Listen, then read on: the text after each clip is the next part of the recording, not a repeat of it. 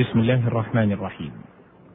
الحمد لله رب العالمين وصلى الله وسلم وبارك على نبينا محمد وعلى آله وصحبه أجمعين. أيها المستمعون الكرام أيتها المستمعات الكريمات السلام عليكم ورحمة الله وبركاته.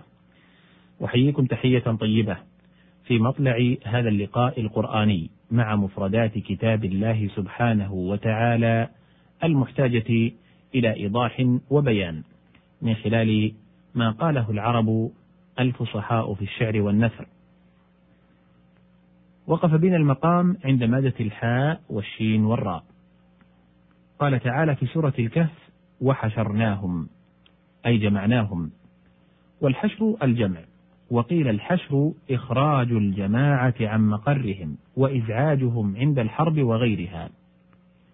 وفي الحديث النساء لا يعشرن ولا يحشرن فيه قولان. أحدهما لا يخرجن إلى الغزو واختاره الهروي.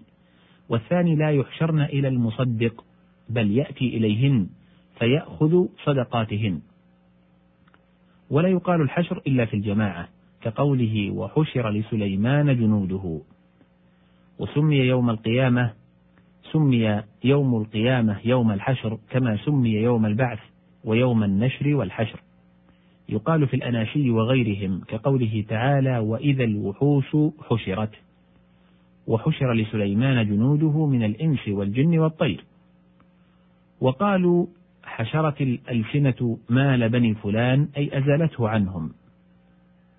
والحشر الجلاء والإخراج. ومنه قوله تعالى لأول الحشر.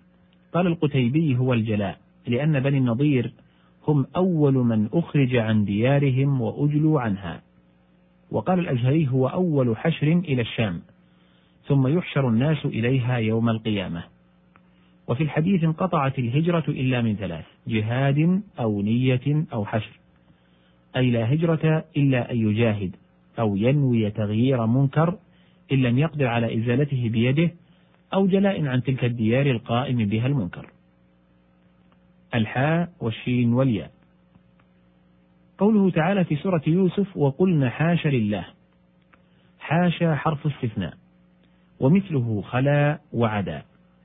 تقول قام القوم حاشا زيد وعدا زيد بجر زيد ونصبه مع الثلاثة.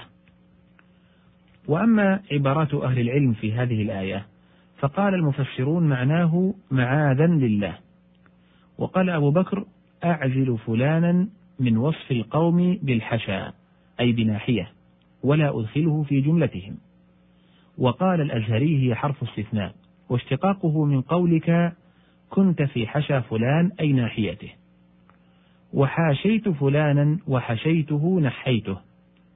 قال النابغة ولا أرى فاعلا في الناس يشبهه ولا أحاشي من الأقوام من أحد أي أنحي.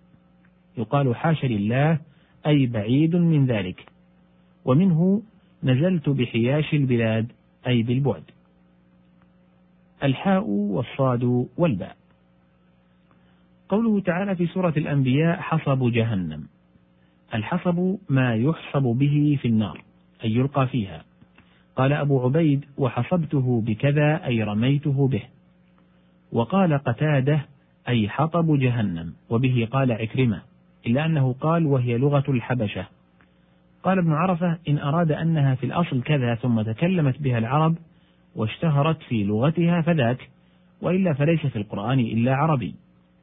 وقرئ بالضاد معجمة حضب وهي ما تهيج به النار. وقوله تعالى في سورة القمر إنا أرسلنا عليهم حاصبا هي الريح القوية التي تقلع الحصباء. وهي صغار الحصى وكبارها. وقد يحصب بالبرد أيضا. وأنشد القطامي تمر كمر الريح في كل غمرة ويكتحل التالي بمور وحاصب. ومنه أمر بحصب المسجد أي أن تجعل به الحصباء والمحصب موضع رمي الجمار. سمي لما فيه من الحصباء والتحصيب المبيت به. والحصبة بكسر العين بمعنى الحاصب.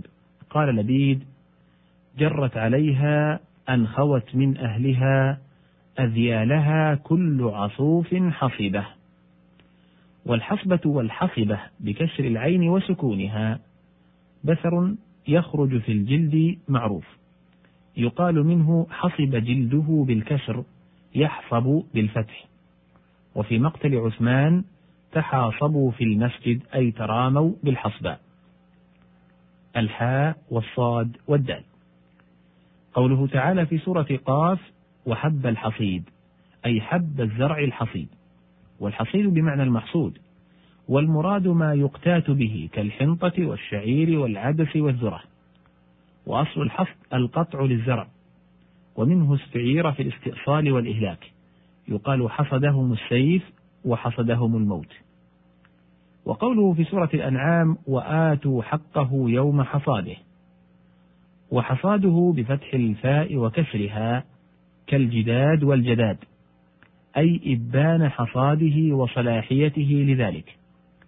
وقوله فجعلناها حصيدا إشارة إلى أنه حصد في غير إبانه على سبيل الإفساد أي استؤصل ما أنبت. وقوله في سورة هود منها قائم وحصيد. إشارة إلى قوله فقطع دابر القوم الذين ظلموا. أي منها ما هو باد باقية أعلامه ومنها ما حصد وهلك ودثر.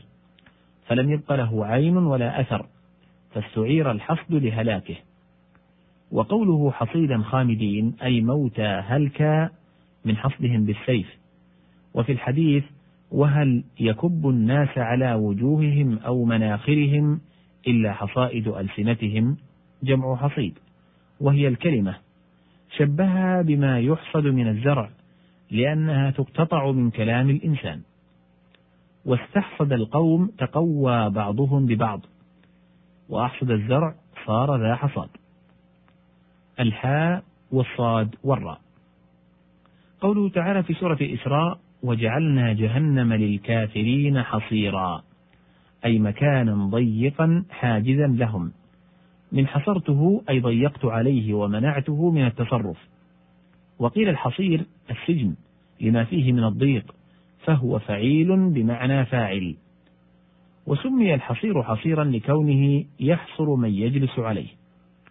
والحصر في اصطلاح العلماء قصر الصفة على الموصوف والموصوف على الصفة.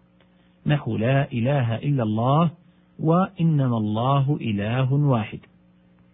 وعن الحسن في قوله وجعلنا جهنم للكافرين حصيرا أي مهادا. قال الراغب كأنه جعله الحصير المرمول كقوله تعالى لهم من جهنم مهاد. وعلى هذا هو بمعنى الحصور سمي بذلك لحصر طاقات بعضه على بعض. وقول لبيد ومقامة غلب الرقاب كأنهم جن لدى باب الحصير قيام الحصير الملك. إما بمعنى محصور بمعنى أنه محجب وإما بمعنى حاصر لأنه يمنع غيره أن يصل إليه.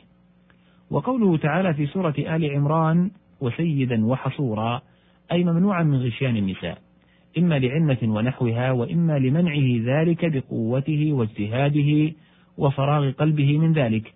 وهذا هو الأليق بهذا المقام لدخوله في المجد فإن الأمور المطبوع عليها قلما يمدح بها إذا اتصف بها. فحصور يجوز أن يكون بمعنى مفعول على الأول نحو ركوب وحلوب وبمعنى فاعل على الثاني نحو صبور وشكور. هنا نتوقف على أمل إن شاء الله بإتمام هذه المادة في لقاء تالي. والسلام عليكم ورحمة الله وبركاته.